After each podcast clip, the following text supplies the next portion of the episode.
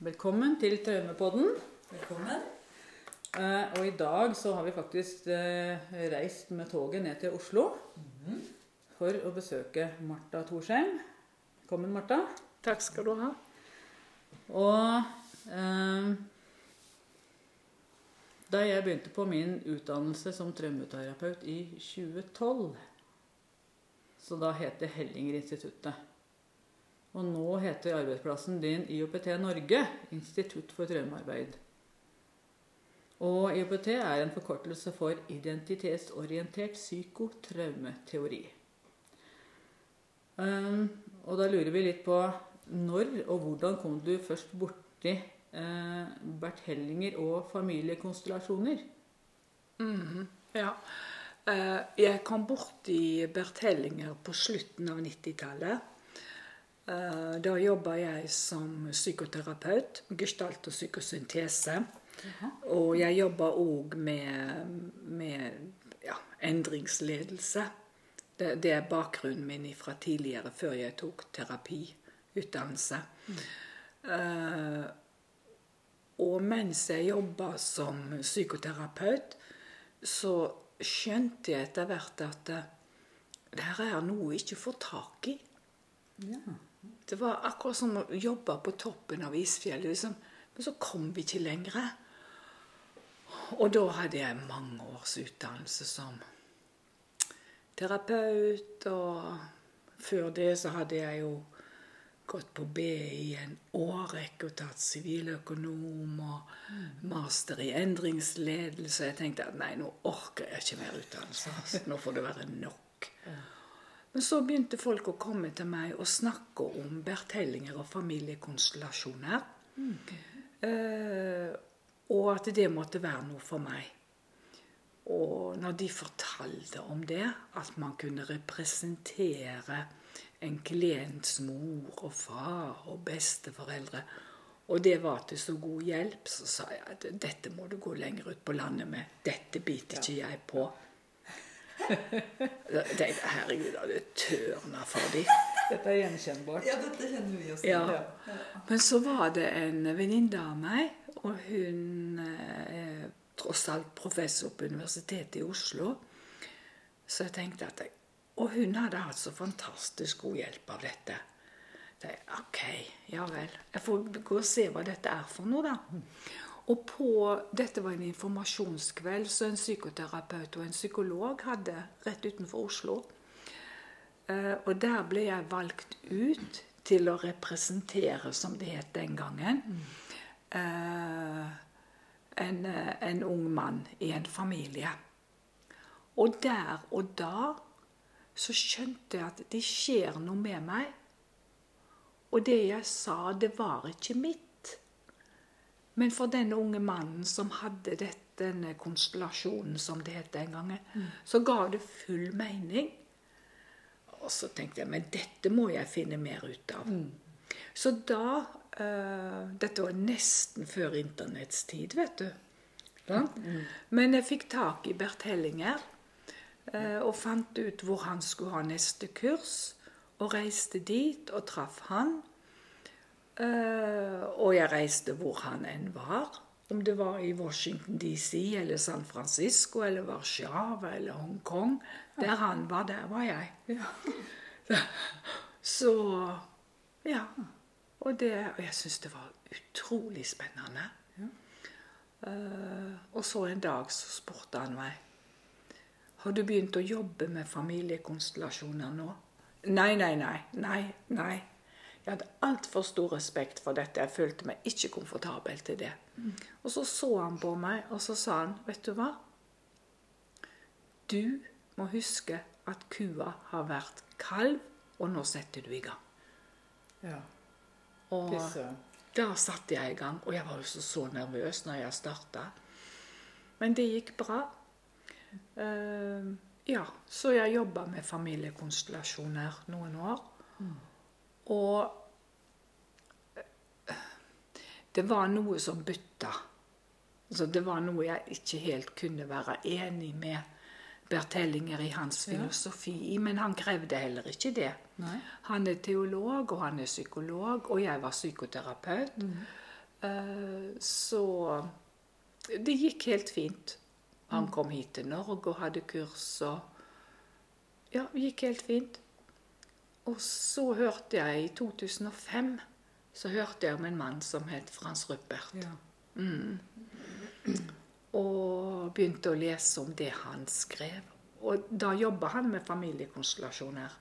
Men han hadde begynt å utvikle en egen teori som gikk utenfor familiekonstellasjoner og gikk mer på den enkeltes opplevde traumebiografi, mens familiekonstellasjoner går på slektens traumebiografi.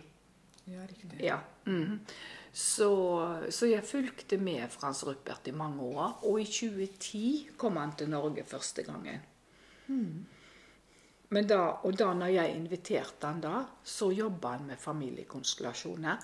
Men når han kom, så hadde han begynt å endre det. Ja. Ja, Begynte å håpe å si, utvikle sin egen ja sin Ja. egen. Og kalte det i begynnelsen intensjonskonstellasjoner. Ja. Og så har det vært en lang utvikling. Ja, som jeg har fulgt hele veien. Ja, nettopp. Mm. nettopp. Så i 2013 hadde vi et seminar eh, for alle de som hadde gått på familiekonstellasjoner, for å, eh, for å vise de Rupperts måte å jobbe på. Mm. Ja. Mm. Ja, for jeg begynte jo i 2012 og Ja. gikk vel ut i 2015, så Ja. ja. Ja. Da har du vært med på begge. Vært med litt i, jeg har vært med litt i overgangsfasen. Ja, du, ja, Ja. du var med litt i overgangsfasen. Riktig, ja. riktig. Mm, mm.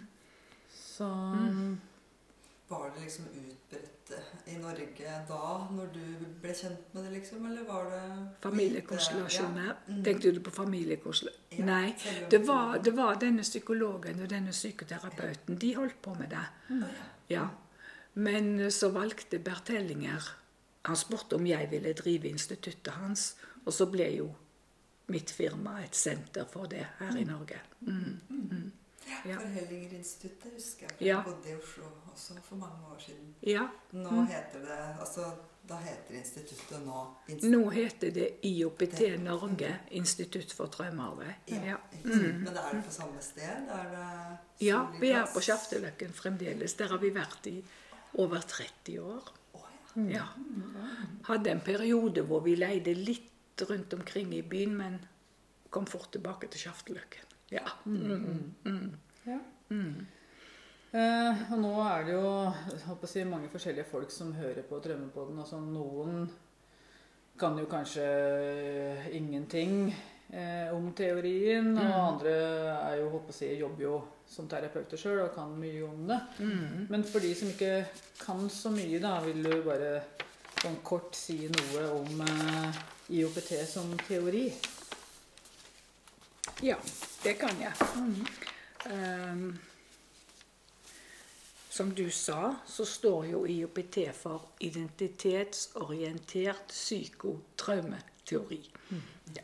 Det betyr at, det er, eh, at teorien er fokusert på eh, det enkelte mennesket, altså ikke på familiesystemet. Sant? Mhm. uh, og i og med at det heter psykotraumeteori, så er det jo viktig, tenker jeg, å snakke om hva er et traume. Og der òg er det jo så mange oppfatninger. Men stort sett så er det en gjengs oppfatning blant fagpersoner nå. eh, og vi kan kalle det sår på psyken. Eh, og traume kan skje. Man kan bli traumatisert av en enkelt hendelse eller en langvarig situasjon. Og det som, det som er eh, før vi blir traumatisert, det er et stressnivå i kroppen. Gabor Maté skriver veldig fint om det i sine bøker. Dette høye stressnivå. Han kaller det toxic stress. Mm.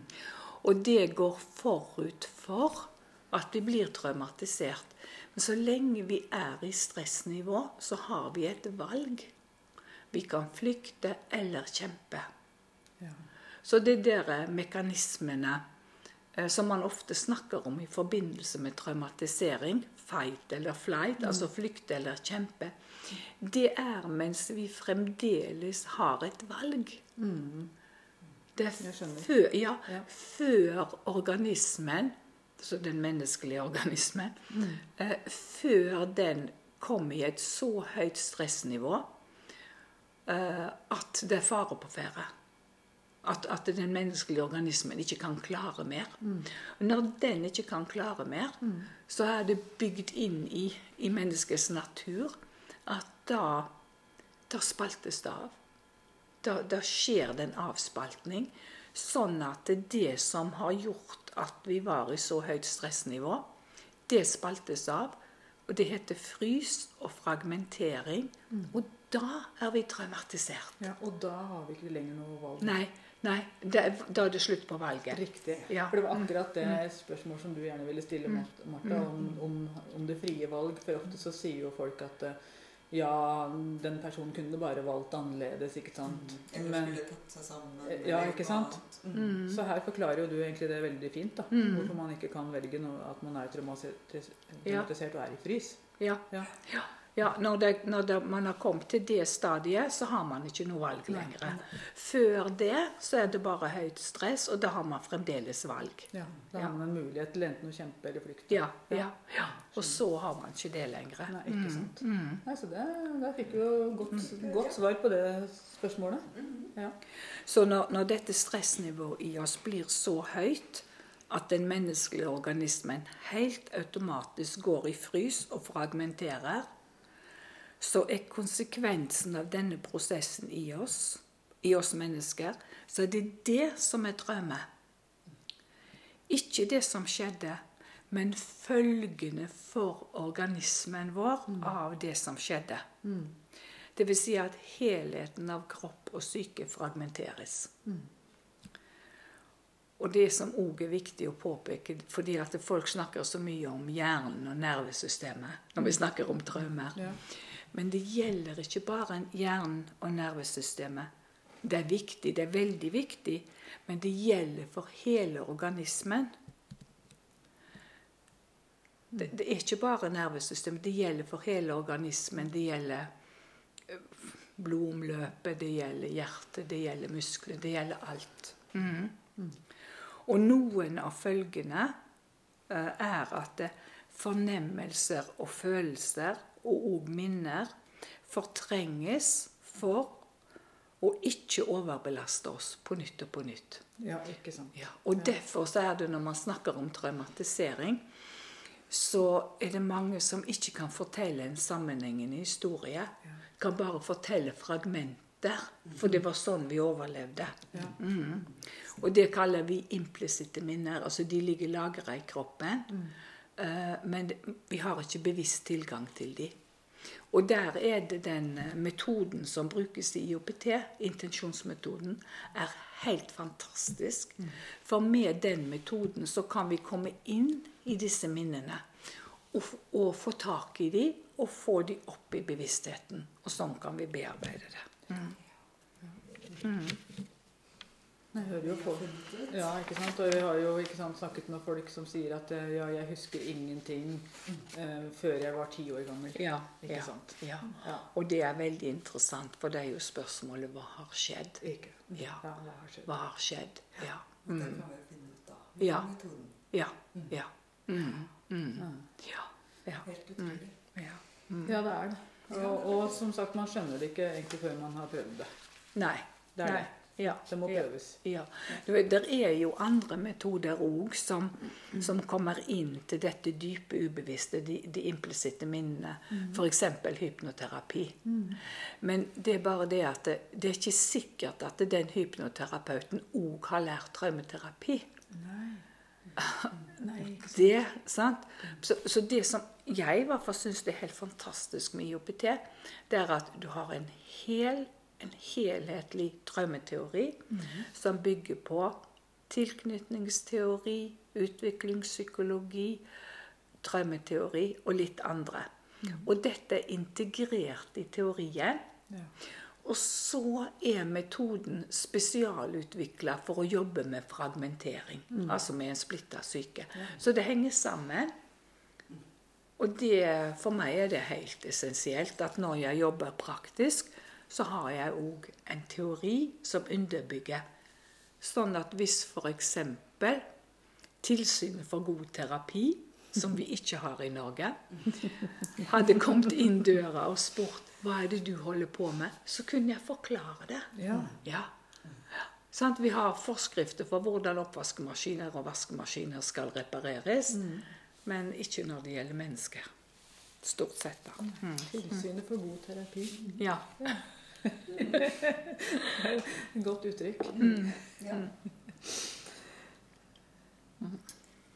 Og ja, nå er det jo massevis, ikke sant. Rupert har jo skrevet øh, Hvor mange bøker har han skrevet, egentlig? 14, tror jeg. 14 bøker, ja. Ja, jeg tror det. Ja. 14 år. Så Ja. de som vil, kan jo selvfølgelig kjøpe bøkene hans og lese Ja. seg opp på temaet. Det er mye stoff. Ja, det er mye tilgjengelig informasjon. Ja. Og de kan jo også gå på IOPT Norge sine øh, hjemmesider, ikke sant? Og Ja for å lære Ja. mer. Ja da. Og den siste boken til Frans, den holder jeg på med nå. Eh, Den er ikke gått i trykken ennå. Og den vil jeg virkelig anbefale. Ja. Fordi at den oppsummerer teorien så fantastisk. Den heter IOPT i praksis. ja. Eh, selvmøter med intensjonsmetoden. Eh, og så går den i dybden på metoden. Så den er helt super. Lettlest, fin, liten bok. Og den, den kommer ut om noen uker. Ja. Ja, bare å glede seg. jeg tror jeg har øh, bestilt den allerede. Mm, Den kan ligger, godt hende. ligger på vent. Ja. Jeg har akkurat fått uh, Gabor Maté sin bok. Jeg ser du har den liggende på bordet her. 'Myten om det normale'. Den har Ja. jeg akkurat fått. Så jeg har akkurat bare fått bladd litt Ja. i den. Mm, Ja. Ja. Gabor Maté har jeg sett en del i det siste, faktisk. Han har vært litt i vinden med Ja. forskjellig som han har gjort. Han er veldig i vinden. Han var jo her hos oss i 2017. Da hadde vi et seminar som vi kalte 'Two Days in Oslo'. En dag med Gabor Maté og en dag med Frans Ruppert. Da fulgte vi gamle losjen. Var du der da, Hanna? Jeg, husker ikke det. Nei. nei.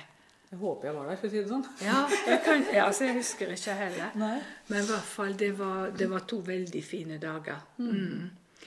Så Gabor Maté og Frans Ruppets arbeid går helt hånd i hanske. Gabor Maté er jo lege og ser, eh, eh, ser traume og traumatisering med de øynene. Mens eh, Frans Ruppet er jo doktor i psykologi og ser det med de psykologiske forskningsøynene sine. Men de to i lag er helt fantastisk. Ja. Ja. Så vi skal ha en ny konferanse nå til høsten. Ja. 7. og 8. september på Litteraturhuset. Eh, Da kommer Frans Ruppert og flere andre, men ikke Gabor Maté. Nei, nei men, man, men andre. Ja, Mm, ikke sant? Det blir to fine du dager. lurte litt på Gabor Nei, jeg lurte på om han er, var, er liksom han lærer, har han utvikla sin egen på en måte linje, eller Han har utvikla en psykoterapeutisk metode som et compassionate inquiry, men som ikke går på langt ned så dypt som IOPT.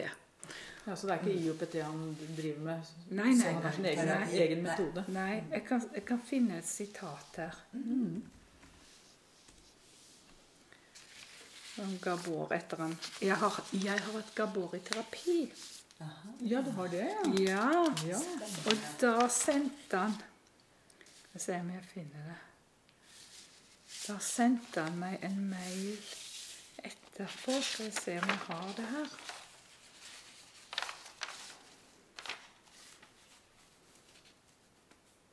Ja.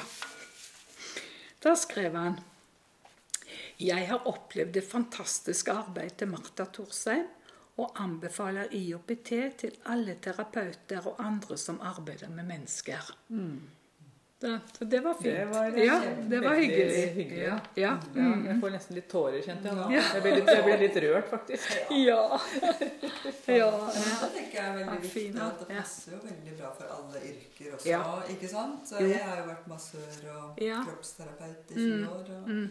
Etter at jeg har jobba med meg sjøl, har jeg jo ikke terapeut sånn, men eh, bare jobba på indre plan så har jo det vært kjempestor fordel i massasjer, f.eks. Ja. At man kan bruke det i alle yrker, egentlig. Den Mm. metoden også. Ja, Mm, mm. Ja. Mm. ja, nei, men dette var eh, fine ord fra Gabor, vet du. Ja. Ja. Så lurer vi nå litt på deg òg da, Martha. Mhm. Litt, eh, På meg, ja. ja, Ja. lurer litt på deg. Så Mhm. nå har jo vi eh, em, hørt at du har eh, vokst opp på Bømlo. Mm. Og så fikk vi se et uh, veldig fint eh, maleri på, på veggen din her. Eh, var det tante som hadde malt det? Ja. Ja. Mm. Mm. Som veldig vakkert som beskrev huset du vokste opp i. Vil du Mm. si litt om hvordan det Ja, var? ja, jeg vokste opp i et hus som besteforeldrene mine hadde bygd i 1905. Uh, Og det huset står på en kai, og kaien står på Peler i sjøen. Mm. Så, Så jeg husker fra barndommen at sjøen slo opp under huset. Mm. Der vokste jeg opp. Ja. Mm. Mm. Ja, det vil jeg si. Det hørtes litt sånn avslappende ut med den bølge... Eller var det irriterende? Kunne det kanskje være litt mye bølger til tider, eller hvordan var det? Nei, En av mine første minner det er da jeg er to og et halvt år.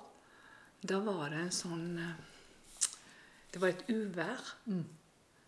Uh, og da husker jeg at sjøen gikk over kaien, og så inn i første etasje. Og så ut med alt som var der. Okay. Og jeg husker ikke hva jeg sa, men min mor sa at da sto jeg bare i vinduet og sa Oi! Oi! Oi! Ja, det kan man si. Ja. Ut med alt som var der, ja. Men jeg husker de bølgene. Ja, Ja. jeg Mm. skjønner Ja. det. Mm. Og du vokste opp, Er det riktig å si at du vokste opp i etterkrigstiden? ja, det er riktig. Ja. Født i 51, Ja. så det var etterkrigstiden. ja. Og jeg husker damene på Bømlo, eller noen damer, da, som satt og venta på sønnene som ikke var kommet hjem etter krigen. ja. På mennene. Og de hadde lest i avisen at noen hadde blitt funnet i Japan, og de håpte og håpte og håpte. Så det var jo en del av det å vokse opp i etterkrigstiden.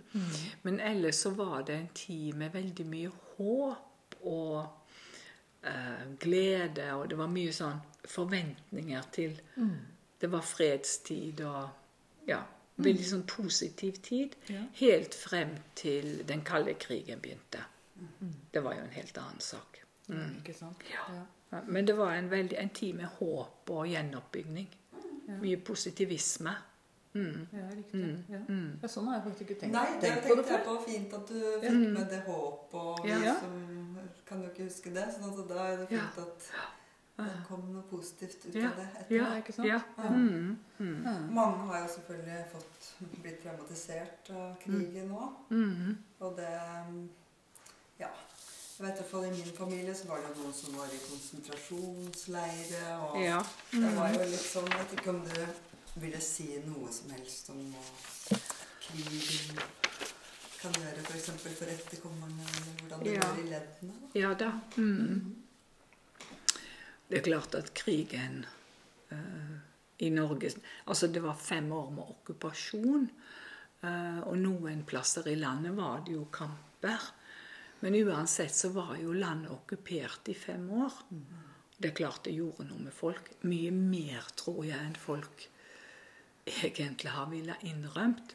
Og det var som moren min sa til meg, at Men du må forstå at når freden kom, så skulle vi være glad. Mm. Og så skulle vi legge resten bak oss. Ikke sant? Mm. Ja. Uh, ja, folk var i konsentrasjonsleirer, det var kamper, det var masse som foregikk. Og når det gjelder påvirkning på de som kommer seinere, så det er klart at det å vokse opp i en familie med foreldre som har opplevd krigstraumer, det, det setter sine spor. Eh, det skal noe til at de foreldrene kan gi barna alt det barna trenger. Eh, og vi vet jo at barndommen varer i generasjoner. Eh, Det gjelder den gode barndommen, men det gjelder òg den barndommen hvor behovene ikke blir dekka. Og bl.a. Kari Kilien og Inga Marte Torkelsen har dekka det veldig godt i en podkast som heter 'Barndommen varer i generasjoner'. Mm. Eh, I tillegg til at det er godt dekka i faglitteraturen innen flergenerasjonell psykotraumatologi.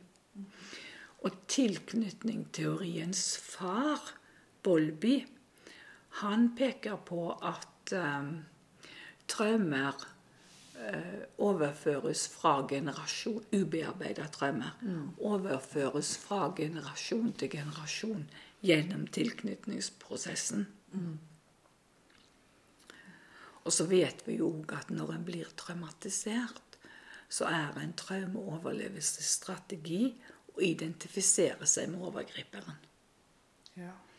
Det er ganske interessant. Ja. Mm, mm. Så, så det som er når vi jobber som terapeuter, da, det er jo å prøve å finne ut om et traume er overført eller selvopplevd. Og gjennom eh, intensjonsmetoden, altså IOPT i praksis, så kan vi skille ut i prosessen det hva er selvopplevd, og hva er overført.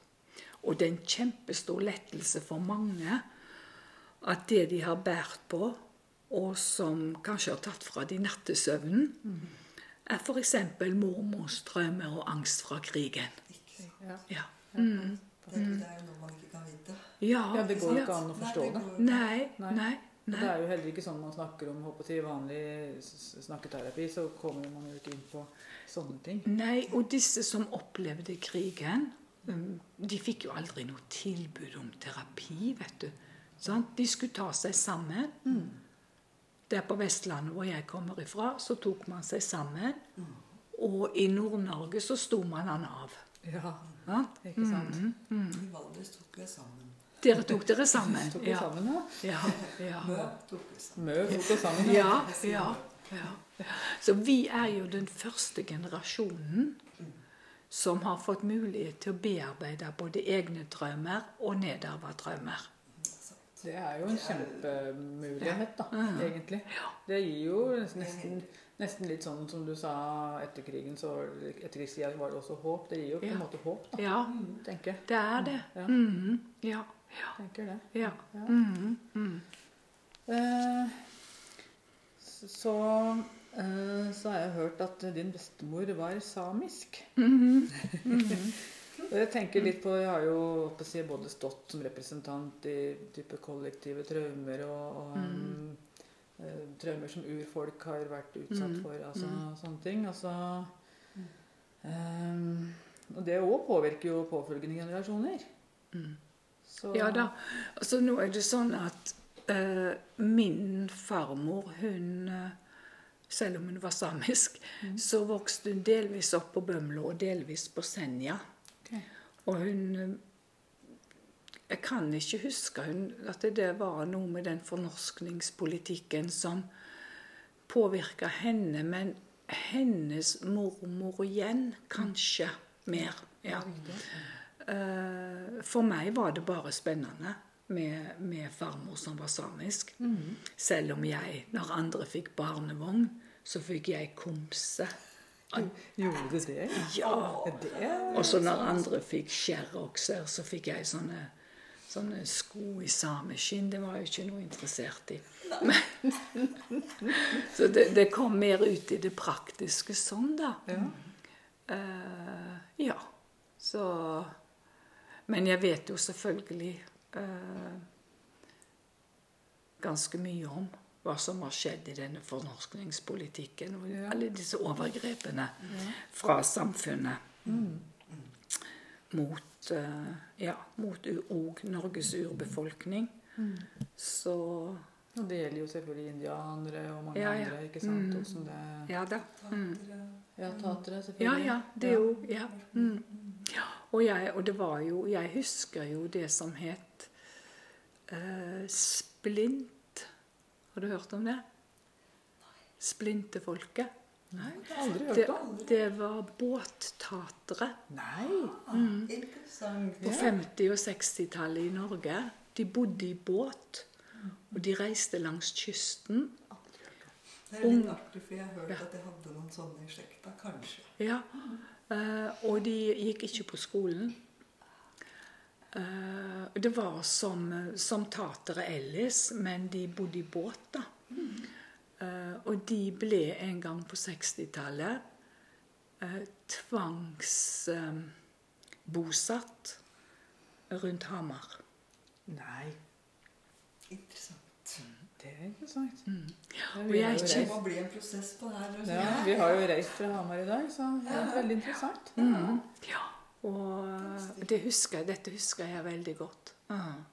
Ja, for det var sikkert en del der på kysten Ja, hvor du de, bodde. de var det. Ja. Og så kom de og skulle selge sånne små ting i blikk og sånn som de hadde Ja, ja. laga. Ja.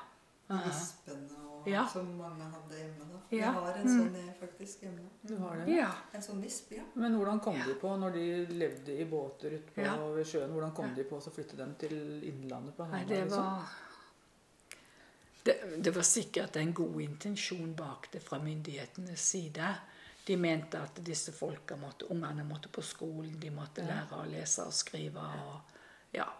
Så intensjonen var nok god, selv om det føltes som et overgrep. Sant? Så, Så, var det en del tatere egentlig Innlandet ja. der, da. Så Ja.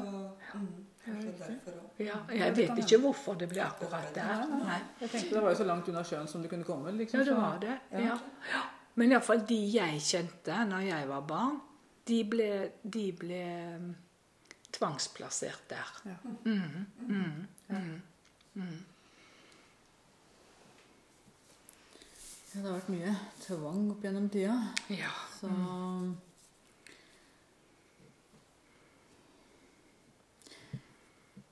Ja. Det var òg en annen ting vi lurte på. Vi lurte litt på mannfolk og traumer. Det lurte vi på. Og vi, jeg og Turi har prata på det at vi skulle ønske det kom flere menn i gruppene. Mhm. Så jeg har liksom kanskje hatt den tanken at det ikke var så mange menn. Men nå kom jo du, sa jo du i stad at eh, nå er det ikke Det kommer flere og flere menn til instituttet. Ja. Og siste grunnutdanningsmodul vi hadde eh, Først så var det ganske mange menn. Og så var de så unge. De var mellom 25 og 35 år, nesten hele gjengen. Så det var helt fantastisk. Eh, og jeg tenker mange ganger at hvis menn hadde visst hvor attraktive de blir når de jobber med seg selv, så hadde de kommet. Det der, kjenner, jeg- det der kjenner jeg er sant. Ja, det er så sant. Ja. Ja. Så det mm. Men Så mitt inntrykk er at, eh, at det flere og flere menn kommer. Mm. Og vi må ta godt imot dem. Ja, absolutt. Vi trenger dem absolutt. Altså. Absolutt. absolutt. Ja. Og eh, vi prata jo litt på forhånd, og da nevnte du eh, en film ja. Mm. Hvor eh, Jeg var på, på Vega scene i Oslo i går kveld og så en film som heter 'Forglem meg ei'. Og det er en film av um, Skal vi se Jeg skrev ned hva han heter, han som har laga den. Antonsen, tror jeg. Og den handler om en ung mann som heter Håkonsen som opplevde seksuell traumatisering på gården han vokste opp på. Han var også fra Hamar, var ikke det? Ja, ja det Ja. distriktet der. Ja. mhm. Eh, 'Forglem meg ei' heter dokumentaren. Og den handler om Per Arvid Håkonsen. Og den er laga av Anton Ligarden. Ligården. Mm. og det er en fantastisk, fantastisk fin film om eh, det å oppleve seksuell traumatisering som liten gutt.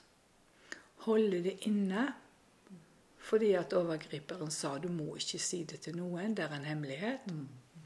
Og hvor lojale barn kan være. Ja. Og ja. eh, Og det er en film som viser eh, livet til denne, til denne mannen. Eh, livet med kjæresten hans. eh, livet som innlagt på psykiatrisk, som man må noen ganger. Eh, livet på gården. En veldig, veldig fin film. Og begge disse to, både filmskaperen og, og han filmen handler om, to kjempeflotte menn. Fantastisk å se de sitte der på scenen i går og fortelle om når de lagde filmen. Og så den filmen anbefaler jeg alle å se. Og dere som har gutter i sånn eh, konfirmasjonsalder, Ja, ja. absolutt få de guttene til å se den Ja, filmen. ja. Det tenkte, ja, det tenkte jeg ikke på engang. Selvfølgelig skal vi det. Ja. Det. Ja. Mm. Et godt eksempel på, så å, si, å vise sin sårbarhet og, Ja. og komme ut av det. Ja, Ja, ja. ikke sant? Og dette òg Altså, vi vet jo at traumer er et folkehelseproblem. Mm. Og vi vet at seksuell traumatisering er et folkehelseproblem. Mm. Uh, og vi kan ikke snakke nok om det. Nei. Og det er mye mer enn en folk flest tror. Ja.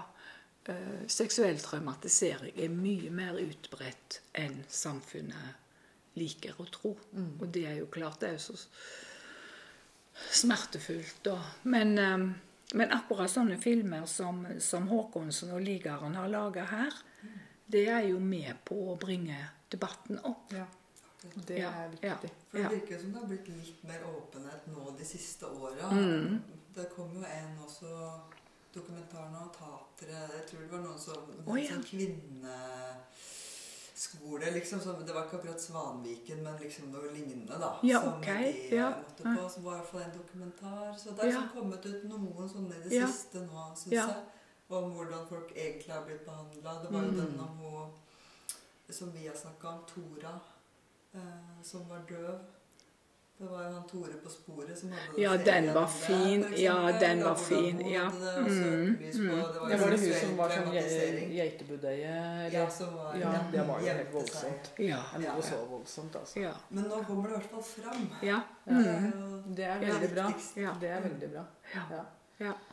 Mm. Eh, og en annen ting også er at eh, folk skjønner, skjønner jo selvfølgelig ikke hvordan disse traumatiseringene foregår. Dette her med fight, flight, freeze. Og, og hvordan man blir så holdt å si, stiv og stille og fryst inni seg sjøl. Mm. Jeg snakket jo bl.a. med noen for en stund siden. Eh, hun snakket på at eh, ja, nei det,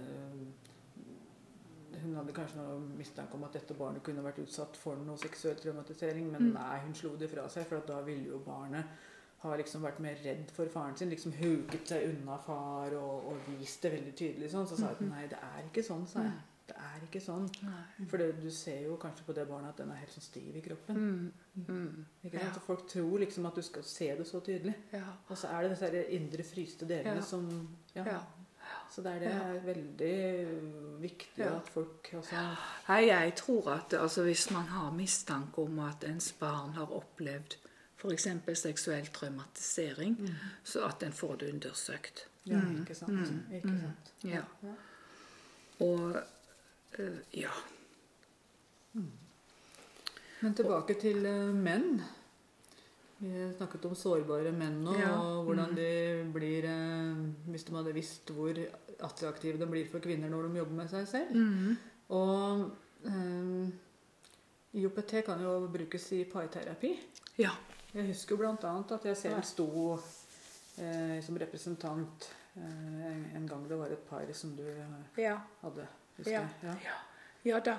Eh, parterapien i IOPT eh, den foregår sånn at eh, paret kommer sammen. Mm. Eh, og så gjør den ene sitt selvmøte med sin intensjon, og den andre observerer. Og så gjør den andre sitt selvmøte med sin intensjon, og den første observerer. Og så snakker vi litt om det etterpå. Mm. Så hele tiden så er det ens egen intensjon som styrer selvmøtet. Ja. Um, det er jo ikke sånn at den ene skal forandre den andre. ikke sant? Nei, nei, Man skal jo hele tiden jobbe med seg sjøl. Ja, ja. Det er ingen, ingen andre vi kan jobbe med. Nei, det er jo ikke det. Hadde du vært Ja, det er sant.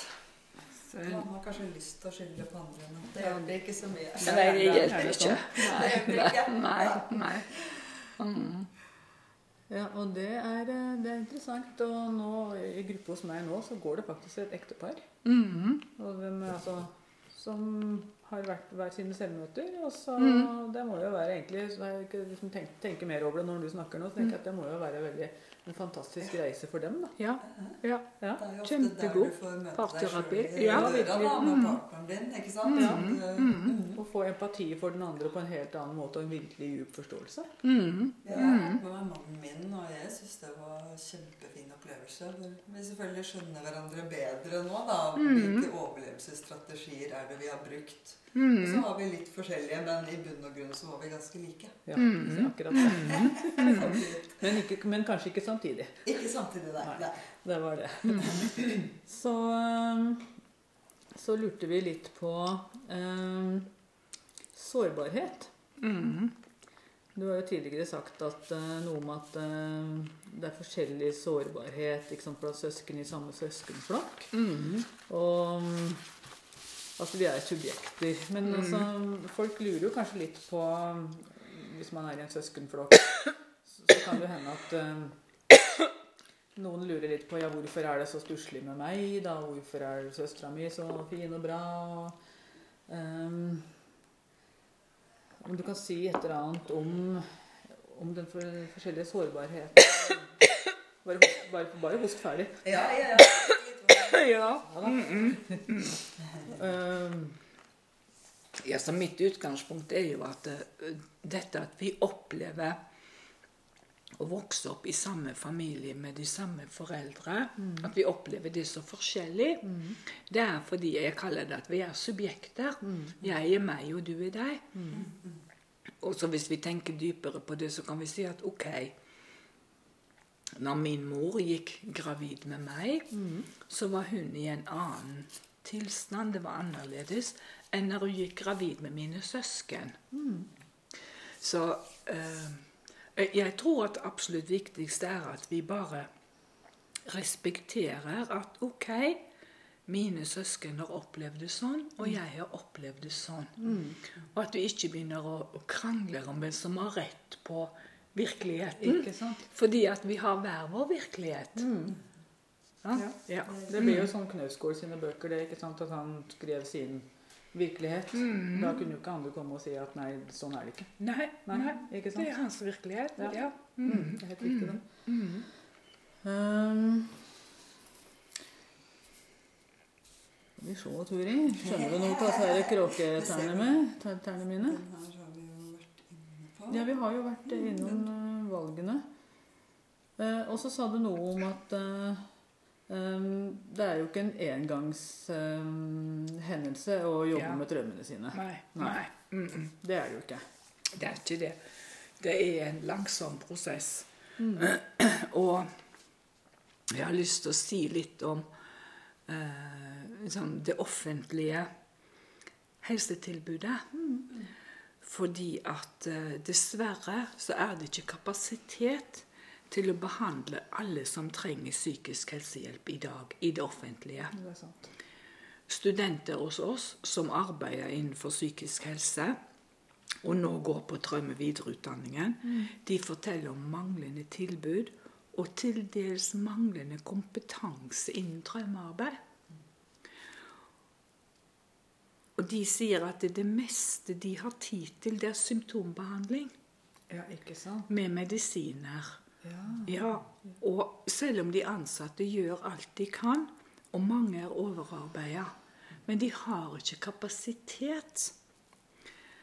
Eh, og der tenker jeg at eh, der kan nettverket av IOPT-traumeterapeuter, som er organisert i Norsk drømmeterapeutforening, de utgjør en verdifull ressurs som kan tas i bruk for avlastning for de offentlige helsetjenestene. Vi har lang klinisk erfaring, og, den, og denne lange kliniske erfaringen vår den tilsier at IOPT-terapeuter kan bidra virksomt i det arbeidet, både gjennom tilbud til personer med moderate til tyngre lidelser, som ikke har rett på mer behandling i det offentlige, og til personer med mildt til moderat symptomtrykk som i realiteten blir gående lenge uten et Ja. tilbud. Sant? Fordi det. de havner langt bak i køen. Ja. Eller avvises når fastlegen søker de inn i spesialisttjenesten. Ja, det er sant. Og IOPT bygger på en brei forståelse av traume og traumatisering, som ikke er knytta opp mot diagnostiske kriterier eller spesifikke, spesifikke symptomer. Så IOPT er en metode, en terapeutisk metode som egner seg ikke bare for de som blir diagnostisert med traumelidelse, men òg for mennesker som har helt andre begrunnelser for at de ønsker hjelp. Det er viktig. Ja, og dette her eh, dette kan, altså Samfunnet kan benytte seg av det. Det er sant. Ja. Det er sant. Og du nevner jo diagnoser. Ja. Eh, Vil du si noe om det? det Ja, så det er sånn som vi ser på det i OPT. Så hvis noen kommer til oss og sier jeg er diagnostisert med det eller det eller det, og jeg vil bearbeide den og den årsaken som ligger bak, så tar de jo diagnosen med i intensjonen sin.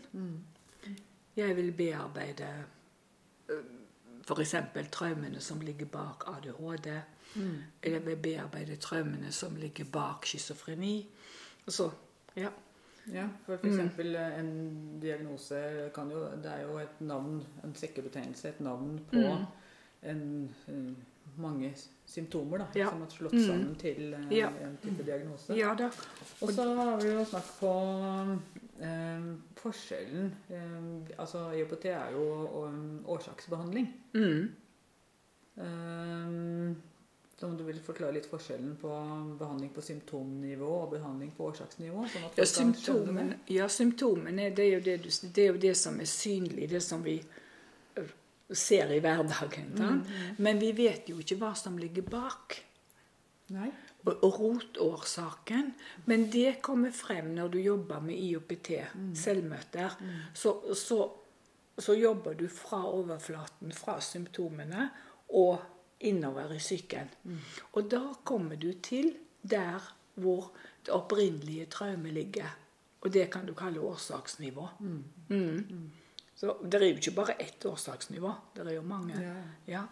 Derfor det er jo lett å holde det flytende på symptomnivå, Ja. ikke sant, med Ja. medisiner og Ja, og det, og det er sikkert nødvendig i noen tilfeller. Og i noen tilfeller så Så kan man gå rett på og bearbeide. Ja.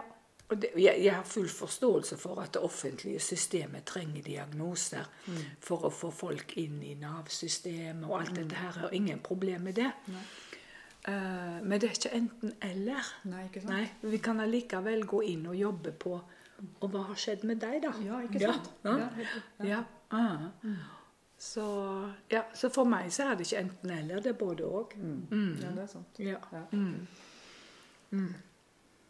Mm. Og eh, når man da har jobbet med seg selv på årsaksnivå, så kan man jo bli litt sliten. Vi snakket om integrering eh, før vi begynte på podden her. Mm. Og du sa jo noe om det at eh, etter at du har hatt eh, ditt selvmøte, så blir du ganske sliten, og du anbefalte det, Martha. Og så eh, Altså, det jobbes såpass djupt her at eh, du anbefalte faktisk å ta kanskje en dag fri? Etter, Ja. Et, ja, Ja, jeg gjør det. Ja, du gjør det. Ja. Ja. Ta vare på det. Ta vare på seg sjøl. Ja. Mm. rett og slett. Mm. Mm. Ikke bare hoppe rett ut igjen i, Nei. i stressene. Ja. Mm. Mm. Ja, det tar litt tid. Og det er jo Ja. litt forskjellige spørsmål som kommer fram, så klart. Mm. Men Mm. det er viktig å ta seg den tida etterpå. Mm. Mm. Få integrert det som du har sett. Ja, det sånt. Og Ja, vi har jo vært inne på um, dette her vi snakket om i stad. Husk at du alltid har et valg og sånt noe som folk ofte sier hvis det er noe med folk. Eh, som vi fant ut at det er ikke sånn at man har et valg når man er traumatisert og har gått i frys. Men som du sa i stad, Martha, som vi syns var veldig godt sagt, er at folk gjør så godt de kan. Mm. Ja, er- Og en super intensjon, som du også sa, er at det, hvorfor, eh, som man kan ta opp i et selvmøte. Da. Hvorfor valgte jeg ikke annerledes? Mm. Så kan man finne ut årsaken til det. da. Mm. Ja. Og skal vi begynne å snakke og runde litt av her. Mm. Men um, både du og Frans Ruppert er jo godt voksne blitt. Så vi lurte litt på Hvis du har tenkt å pensjonere deg, når har du tenkt å gjøre det? Ja. Jeg har jo alderspensjon, jeg. Har hatt i fem år. Ja, Jeg syns det er veldig behagelig. ja.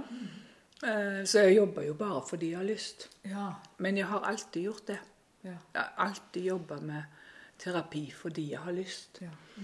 Eh, og jeg har ingen tanker om å ikke gjøre det. Nei, du har ikke tenkt, tenkt å pensjonere deg, rett og slett? Nei. Nei. Nei. Men selvfølgelig, jeg er jo klar over at jeg er 72 år. Eh, og jeg har laga et system sånn at uh, instituttet fortsetter om jeg ikke er her. Ja, for vi lurte litt på IOPT sin framtid, ikke sant? Og Ja da, så alt er ivaretatt. alt er ivaretatt. Ja. ja, det er godt å høre. Ja. Og det samme er det i Tyskland. Frans ble, var jo syk i fjor sommer, i fjor høst. Alvorlig syk. Og da reiste jeg til Tyskland, og så var det andre som overtok her. Så, og I, så IOPT er heller ikke avhengig av én person lenger. Det er mye mer det er stabilt og utvikla og ja. For vi har jo også lurt litt på, eh, vi på mye, at det, hvordan har Martha klart å ha stått i dette her i Ja. alle år? Hvordan, altså, du har jo vært avholdt store grupper i både inn- og utland. Stått i traume, traumefeltet i så mange år. Så liksom Hvordan har du klart å stå i det, egentlig? Mm. Ja. Men jeg syns det er utrolig eh, motiverende. Veldig, veldig kjekt. Selvfølgelig blir jeg jo sliten, men det blir alle av jobben sin. Ja. Eh, Så jeg tror det er forklaringen. Jeg, eh, og så har jeg jo jobba med meg sjøl i alle år. Ja. Så jeg blir ikke så trigga av andres drømmer. Ja. Ja. det er jo et veldig godt poeng, ikke sant? Ja. Ja. Så det Ja, men jeg syns bare det er utrolig spennende, altså. Ja, for hvis man tar på seg ting, også, så blir man jo også veldig sliten. Ja, man ja, blir ja. trigga mye. Og, Ja, ja. Ja. ja. Mm. Så det er jo et utrolig spennende felt. Det er fantastisk Veldig spennende. meningsfylt og Ja, det er altså så meningsfullt. Ja. Det er helt fantastisk Ja. å kunne følge folk, og de kommer kanskje helt tilkneppa. Og, Mm. og så skal det det er akkurat som en blomst som folder seg ut. Det er så fantastisk. Jeg får tårer i øynene, kjenner jeg. og jeg kan ikke tenke meg noe mer givende å jobbe med. Nei, nei. Så jeg syns jo at jeg har verdens beste jobb. Ja, så hvorfor skal man pensjonere seg fra det, liksom? Nei, hvorfor det? Jeg, jeg skjønner det. Ja. Mm -mm. Mm uh, vi så. Ja, og da uh, lurte vi jo litt på hva skulle tittelen på boka om livet ditt vært? Det nytter. Ja. Den var fin. Det har vi jo vært inne på, ikke sant? det håpet og den mm. meningen som det gir. da. Ikke sant? At barndommen ikke trenger å være i generasjoner Nei. hvis man faktisk eh, eh, jobber med seg sjøl og bearbeider. Det er det som er så bra. Ja, det er det som er Ja. så bra. Mm. Ja. Um, så lurte vi jo også litt på om du kunne tenke deg å skrive en bok sjøl om alle erfaringene og ekspertisen fra norske forhold. Og da nevnte du i stad at du, du har ikke tid. Nei, jeg har ikke det. Nei. Uh, så, og, og det vil jo også si at jeg, har, jeg er ikke så veldig interessert i å skrive bok. Uh, Frans sine bøker har jeg eh, sørget for at blir oversatt og gitt ut. Eh, det samme med Gabor Maté sine bøker. Eh, og jeg har ikke noe sånn ønske om å skrive noe bok. Nei.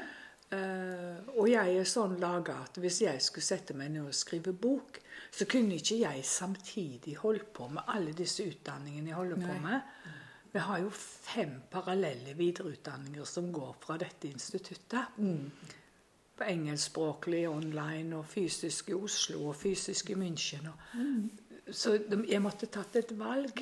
Og foreløpig så er jeg der at jeg vil jobbe med å lære opp, enten det er psykoterapeuter eller sosionomer eller vernepleiere eller sykepleiere eller psykologer, i godt IOPT-traumearbeid. Ja.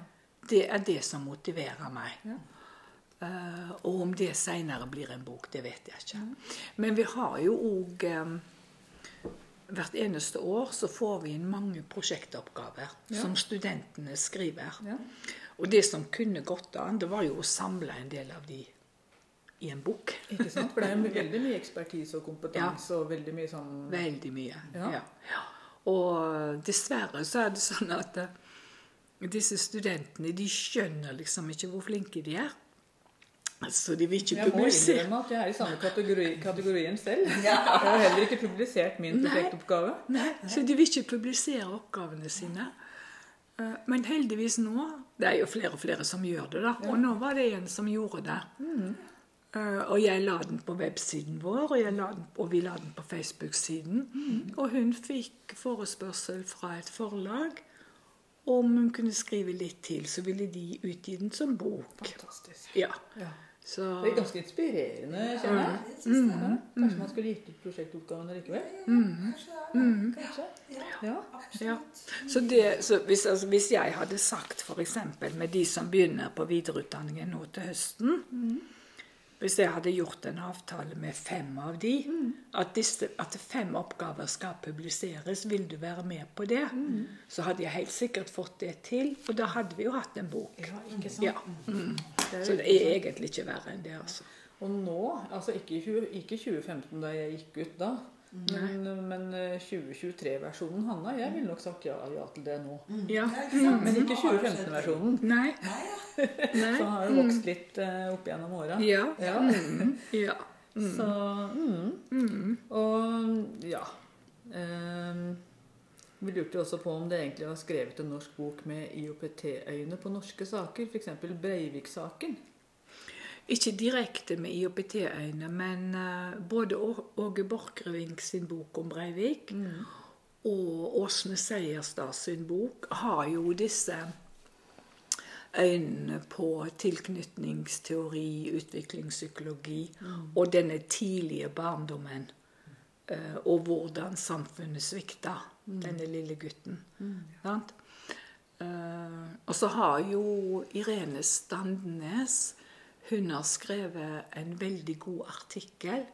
Sett med på analysert eh, kjent stoff om, om Breivik. Ja, Med IOPT-øyne. Og den er supergod, altså. Ja, Ja. den skal vi lese. Ligger Ja. den ute på nettet? Den, ja, eh, det tror jeg. Ja. Mm. Men da skal vi se. ja. Mm. Spennende.